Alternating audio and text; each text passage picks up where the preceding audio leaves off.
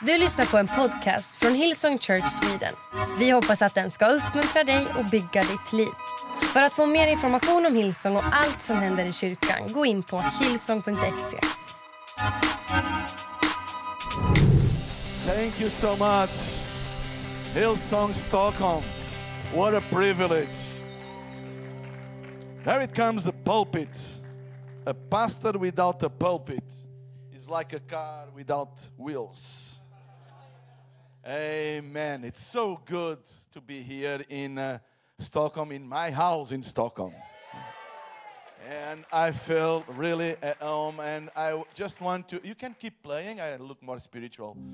Uh, and uh, I, I just want to take the opportunity, and this is not something that we do because we have to, but uh, Andreas has been special in the last years, pro- probably one of my closest and best friends.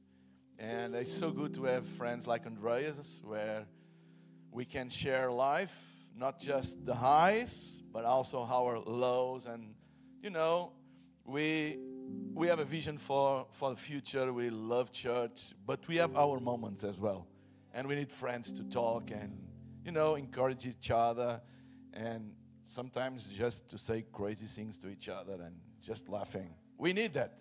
And Andreas and Lena, we, we know them for a long, long, long time.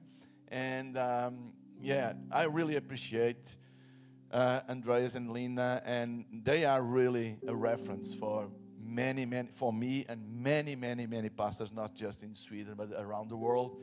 And also, Hillsong Stockholm you probably are not aware, but the impact that you guys are having, not just in our church, Hillsong Church, but around the world, is really great. Special now with this new endeavor of releasing an album and see the sound of this house. Man, you inspire me. I want to release an album as well. Not me, not me, not me, but you know, although I'm a great singer as well, but yeah, uh, and, and for me to be here in an experience, not just because one thing is to hear or see on Instagram or some YouTube videos. Another thing is to have a taste of the atmosphere of this house. It's nothing like the atmosphere of church. I love church online, but nothing like being in the room. Thank you so much. Thank you so much. You can be seated now my time as a spiritual man is come to an end. You can be seated. On the fourth point, last, you can come up because is at the fourth point that I become spiritual again. Uh, as Pastor Andreas told you, I come from Portugal, Hillsong, Portugal, and uh, I'm really excited to, to, to, to be in this family and see what God is doing in Portugal. And I'm, I'm married. I have uh, three daughters, and two of them are already uh, uh, married. Uh, the oldest one, Katarina, she's a singer, a professional singer, and she's one of the worship leaders at church and is also the vocal director for Hillsong Portugal. And uh, uh, her husband, Diogo, uh, is also involved in the creative um, area of church. And then I have the second one, Mariana. Mariana, she's married and uh, she's married with another Diogo, which is like very good for me because uh, when I call call one, come two, and that's for that's what you know sons-in-law were made for is to serve father-in-law. So. Uh, so Mariana and Diogo, they are the youth pastors of Hillsong Portugal, and they are doing an amazing, amazing job there. And then I have the youngest that's still with us at home, uh. We call Pipa. We call her Pipa, and she's studying at the university. She's studying um, management and economy, and uh, uh, she's not married yet. And by the way, if there is any Diogo in the room, you can talk to me at the end, and we will have a conversation and see what can happen. I'm joking, but she's not married yet. So, yeah. And um, Yeah, it's a privilege to be here and share the word. Uh, I want to share um, awards and the title because it's very fancy to give good titles to the message.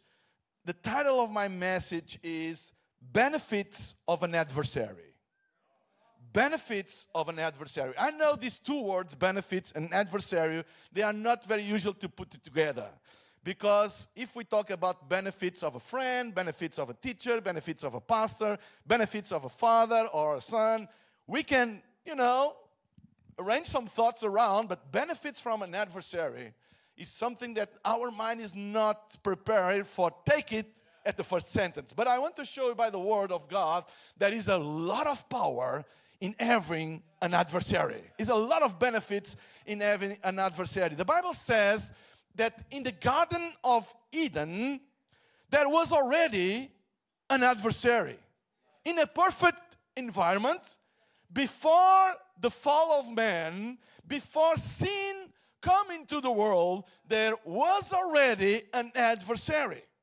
So there is something about having an adversary that is not that wrong. Otherwise, God would not would never permit it in the Eden, the Garden of Eden, that is an image of perfection. The Garden of Eden is a is like an image of God's perfection, and how God allowed in the Garden of Eden to have already, before the sin, before the fall of man, already an adversary. So I believe there is something there, there is a principle there that cross all the Bible, and we need to learn and can be very released to our life when we understand and have a revelation of this principle. Because I believe adversaries are strategic to our future. Adversaries are strategic to our destiny. I believe opponents, enemies, are the gateway to promotion. I believe that adversaries are connected with our destiny. And I want to read for you from Genesis chapter 3, verse 1. And it says, The serpent was clever, more clever than any wild animal God had made. He spoke to the woman, Do I understand that God told you not to eat from any tree in the garden? So the Bible says in Genesis that the serpent, which was the animal that was chosen to, you know, tempt uh, uh, uh, Adam and Eve, the serpent was the clever animal. There is a principle here, and I, I believe the book of Genesis is a very important book to understand the Bible and God's revelation because it's the book of the principles, the beginnings, not just in a, in, in a, in a chronologic sense, but also the principles of how God operates. And the Bible established here a connection between the quality or the size of your opponent and the size of your destiny. The Bible says, and what is and it's very clear in Genesis that man is the pinnacle of God's creation. When God created everything, at the end, he did an evaluation saying, and God saw that was good. And good, I don't know the system of the you know the the, the school system here now you evaluate the tests and the exams. But in Portugal we have different grades, and one of them is good. You have a good. So when my daughters came home with a good on exam was really good. And God, and it's very interesting, I'm not gonna take time to explain that, but it's very interesting how God, being God, it took time to make an evaluation of his work. When he said, it is good. But when it comes to man on the sixth day, God raised the, the bar. And when God evaluates it, and God saw it was very good, which is another level of evaluation. So, God create man in his image and breathing in him his image, his presence in man. So man was different from all other creation. And that's why the enemy chose the cleverest of the animals. Why he didn't choose a monkey or a stupid chicken? Because there is a connection with the size of from the, the, size of your enemy the size of your adversary and the size of your destiny god is established a principle for us to understand that if you have a big destiny you have to expect a big adversary do you understand so god created man above all creation and that's why the enemy chooses the cleverest of the animals that God had made. Do you understand that? So, the size of what we face determines our rewards. Friends, and I thank God for friends, and uh, I just want to say now and take the time, I forget it, but I have to say, I'm really, really honored to be here with Martin Smith and Anna. And uh, Martin Smith was with us many, many, many, many years ago in 2008 in Portugal with Delirious. And uh, one thing that I appreciate is after all these years, he's still here, serving, passionate about doing what God is calling to do. Because I believe one of the signs of an apostolic anointing is longevity. And I thank God for people that stand that remain, that keep going and keep pushing forward.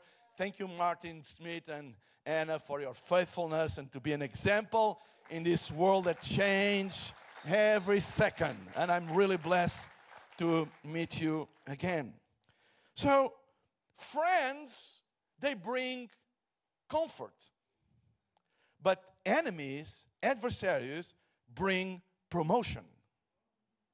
Friends are the realm of the realm of comfort, but adversaries are the realm of challenging. If you take the story of David, when, when, we, when we think about David, what are the names that immediately you think about it as well? Goliath.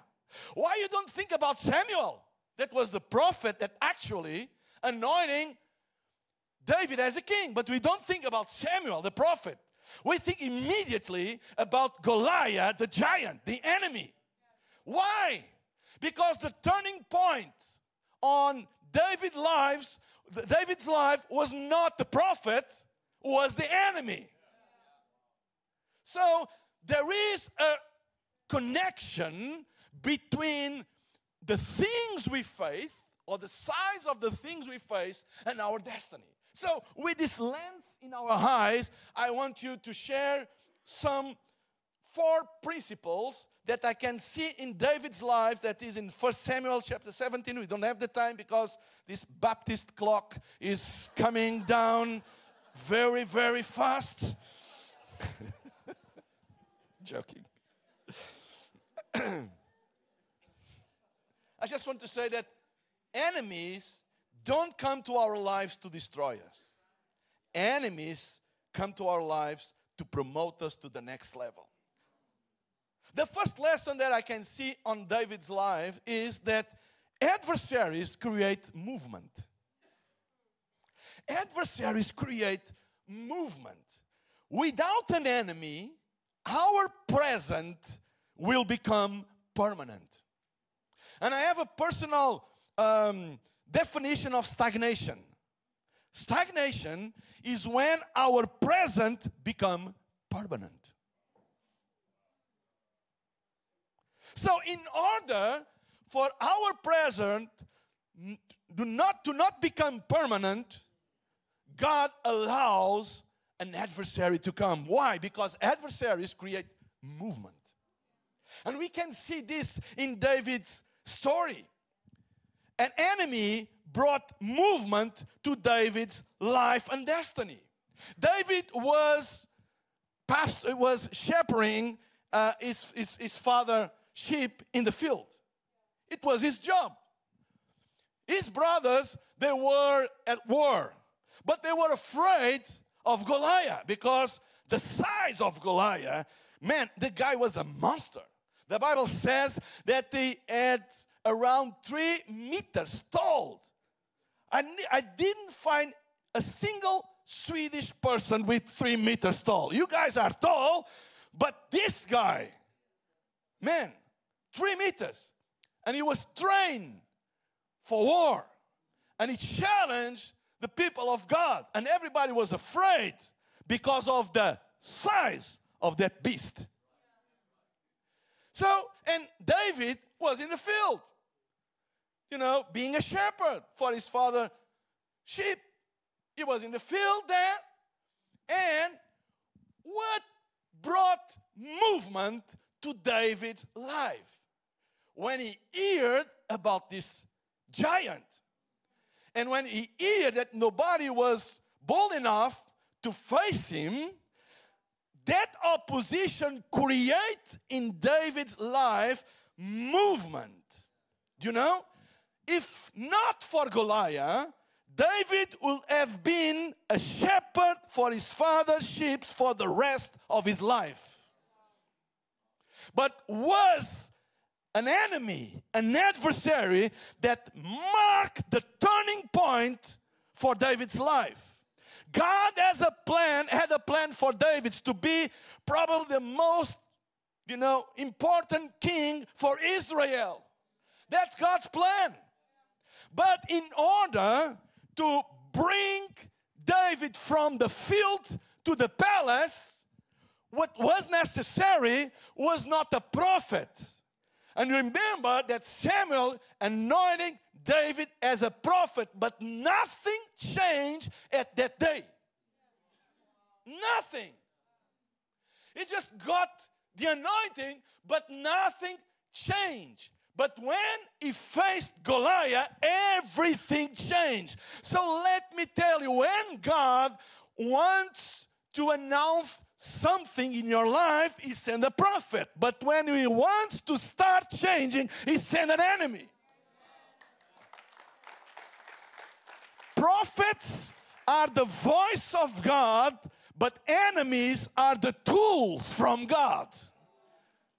Adversaries, they are tools from God to shake our present in order to create another future. Because our nature tend to be very comfortable with our present. And sometimes friends are not enough. Sometimes a prophetic voice is not enough. But what is enough is an adversary that is big enough to shake our our present and create a new future. So, enemies, adversaries bring movement, they create movement. Adversaries force us to do something with our present in order to create a new future. Adversaries don't let us, not, never let our present to become permanent. If we are stagnated, is because we are not facing adversaries. Because adversaries, they stop our stagnation. They force us to move.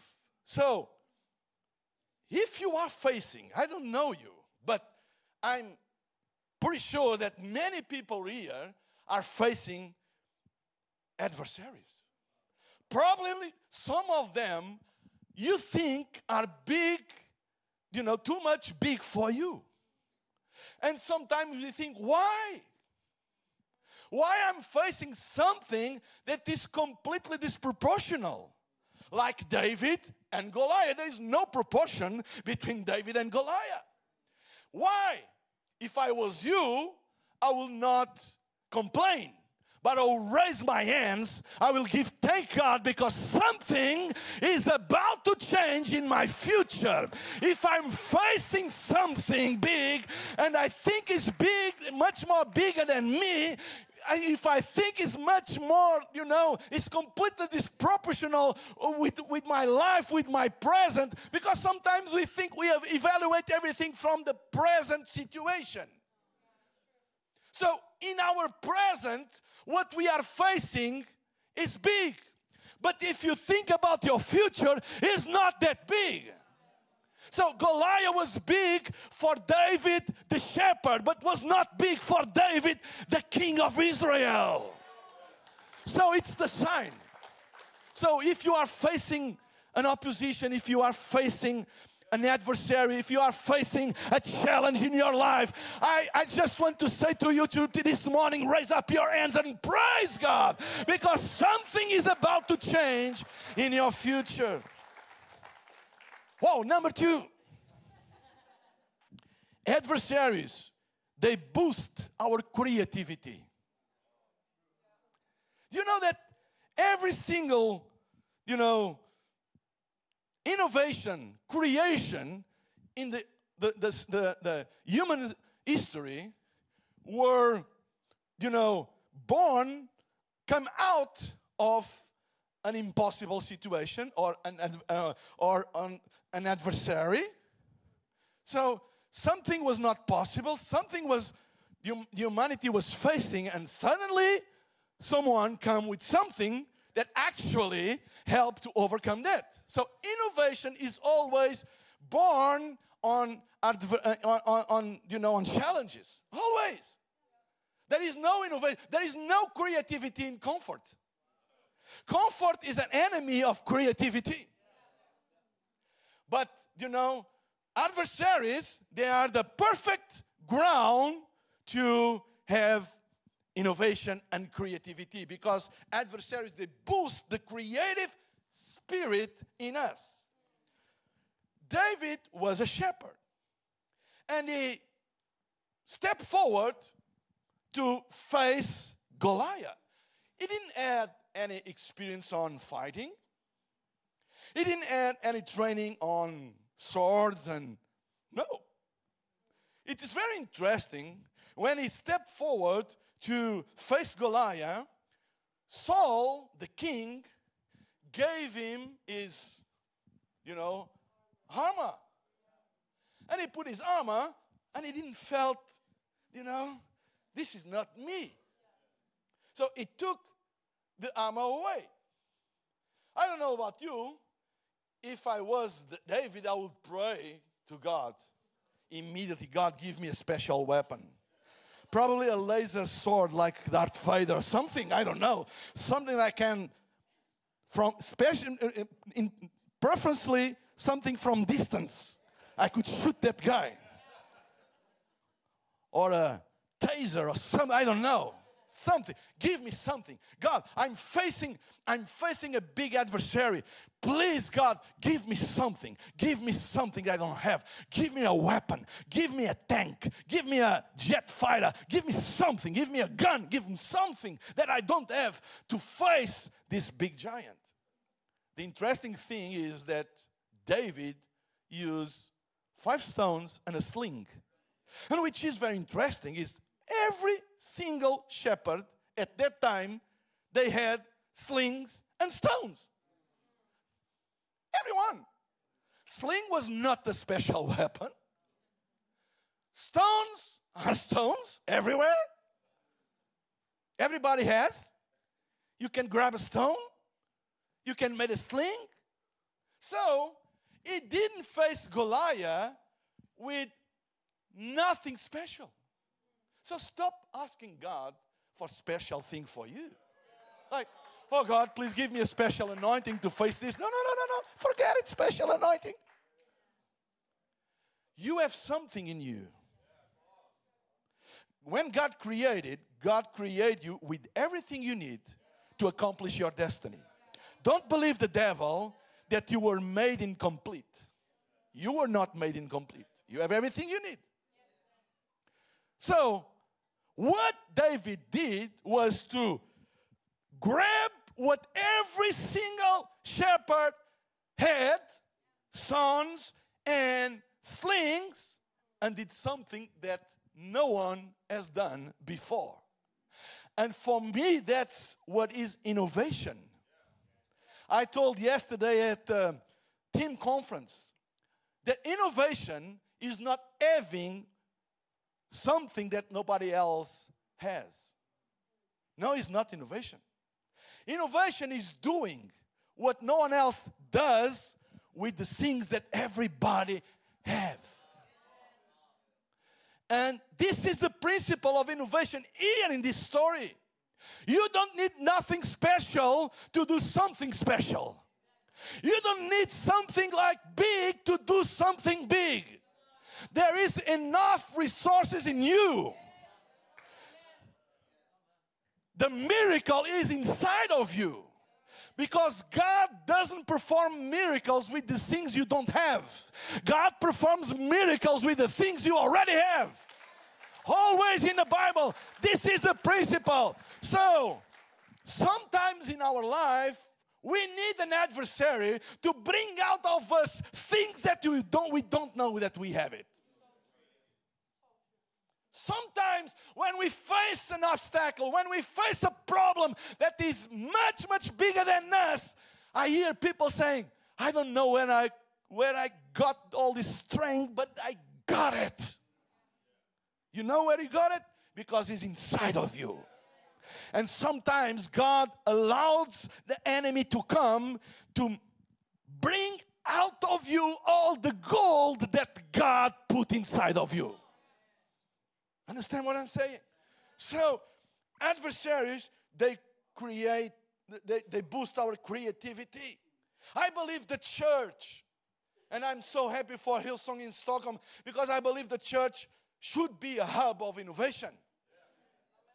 What I mean by that is not being, you know, full of money, buying everything. I'm not talking about that. I'm not against that, but I'm not talking about that. I came from a country when we are not known by being rich. And I grew up with this mission filled mindset that nothing can happen in Portugal unless the Swedish come, do, and pay. or the Americans. And I grew up with this mindset. But one day I made the decision I will not believe in this anymore. I believe God put something inside of us. It, it probably doesn't look much, it probably doesn't look big, but I will use it with all my strength. And I believe there is innovation inside of us, there is a fruit of God's image in us that can bring something that is already there and create something new. And I believe the church is an hub of innovation. And people that seem that they have nothing, they become fruitful because they learn how to use the things they already have and create new things. Number three, seven minutes. Number three, adversaries make us aware of our weaknesses. You know, one of our biggest problems in life is not having weaknesses. We all have it. The biggest problem is not be aware of that, is not recognize that we have weaknesses. That's the problem. When we don't recognize our weaknesses, when you do not know our weaknesses and limitations, we put ourselves in difficult situations because we don't know our limitations. We put ourselves in difficult situations. Sometimes we face things that are fruit of our blindness to our weaknesses. But when we face an adversary, we become very quickly aware with an awareness of our weaknesses. When we face an adversary, we get a clear idea of our weakness and limitations. As we know better our weaknesses, first we protect ourselves more effectively. In order to protect ourselves more effectively, we have to be aware of our weaknesses. There are people that don't protect themselves because they are not aware of their weaknesses. If I have a problem with alcohol, I will not put myself in a situation when I easily be tempted, you know, to drink alcohol. If I think I don't have a problem, I don't have a problem. So I will not protect myself. Do you understand what I'm saying? So it's very important to be aware of our weakness because we protect ourselves more effectively. Number two, we surround ourselves correctly. I, I found out during my experience of building church that probably one of the most powerful principles to choose people, choose friends, choose team is the awareness of my weaknesses. I don't like I don't want to be surrounded by people just like me because we can go down together in unity. I don't want it. We are very united, yeah, but you're going to hell. Okay. I don't want it. I want to be surrounded with people that actually can help me and complement me and bring something to my life that I don't have. When I'm aware of my weakness, I will choose people, I will choose friends that will help me in my journey. Again, if I have a problem with alcohol, I will not hang out with people with the same problem. Guess what? We will end up drunk. Do you understand what I'm saying? So I need to choose some friends that, hey, hey, Mario, no, no, no, no, no. Don't do that. No. Do you understand what I'm saying? Even in church, choosing a team, everything, an awareness of our weakness is a big help to choose the people that surround us. Number three, we are always humble. When we are aware, uh, when we have an awareness of our weakness, we are always humble. We are humble when we are here, but we keep humble when we are here. Because we know that here or there, we still have weaknesses. And make me humble. So God is doing amazing things in my life. God is doing amazing things in Portugal. God is doing amazing things in my church. But I have to be aware of my weaknesses. If I lose my humbleness, I will fall. Do you understand what I'm saying? The best way of being aware of that is facing adversaries. Make us aware of our weakness. And number four, we depend on God totally. When we are aware of our weakness, we depend on God totally. Number four, because the band, the band is coming, is the sign to finish. the size of our of our opponent is a prophetic glimpse of the size of our destiny. I will repeat the size of our enemy, our adversary, our opponent is a prophetic glimpse of the size of our destiny. Many people come to me as Andreas and other pastors for sure, and they want to like, Pastor, can you give me a word about my future? I'm, I'm, you know, I'm, I don't know exactly what to do in my life. And they think we have like a kind of a Christian crystal ball that pastors know everything. I don't know. Sometimes I don't know my future. And you are asking me about yours? Sometimes I have doubts about my future and you are coming and asking about yours? Well, I don't know. But one thing I know if you want to have a glimpse of the size of your destiny, look to the things you are facing. If you are facing just a few problems here and there, yeah, that's a sign. If you are facing like a huge opposition, that's probably the biggest sign that is something hidden on the other side for you that you don't know yet, but the enemy knows that is trying to protect and avoid you to take ownership on that. That's why he sent like a big, you know, when we pass through a building and we see a lot of troops and policy with machine guns around and, you know, tanks and you know like every guard you don't know what is inside. But one thing you know is something important. Because if it was not important the amount of force used to protect was not necessary. I'm not a military never was. But I know in military strategy there is a thing called the use of, of proportional force. You will use the force that is necessary to face the threat. So you don't go after someone that stole orange from the supermarket with a tank and two F 16s, fighter jets.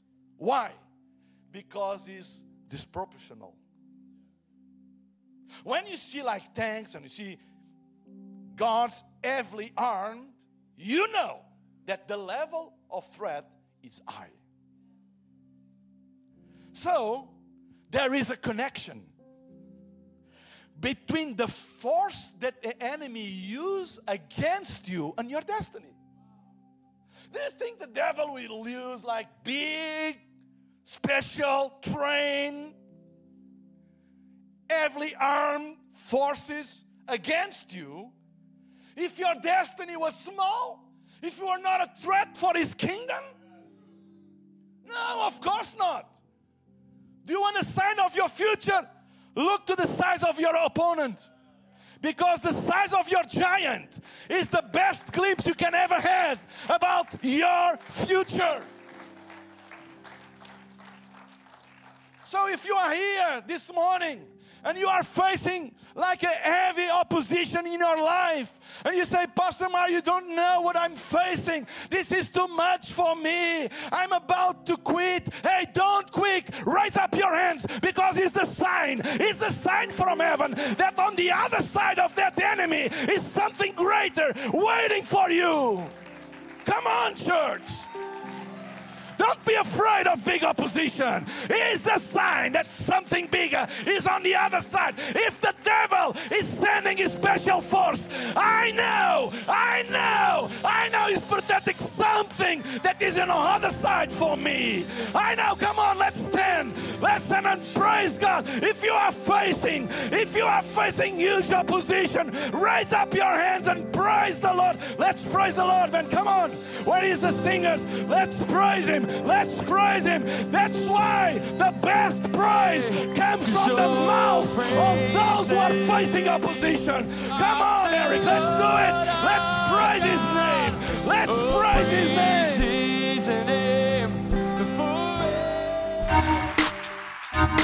Du har lyssnat till en podcast från Hillsong Church Sweden. Om du vill veta mer om vår kyrka eller om våra söndagsmöten surfa in på hillsong.se.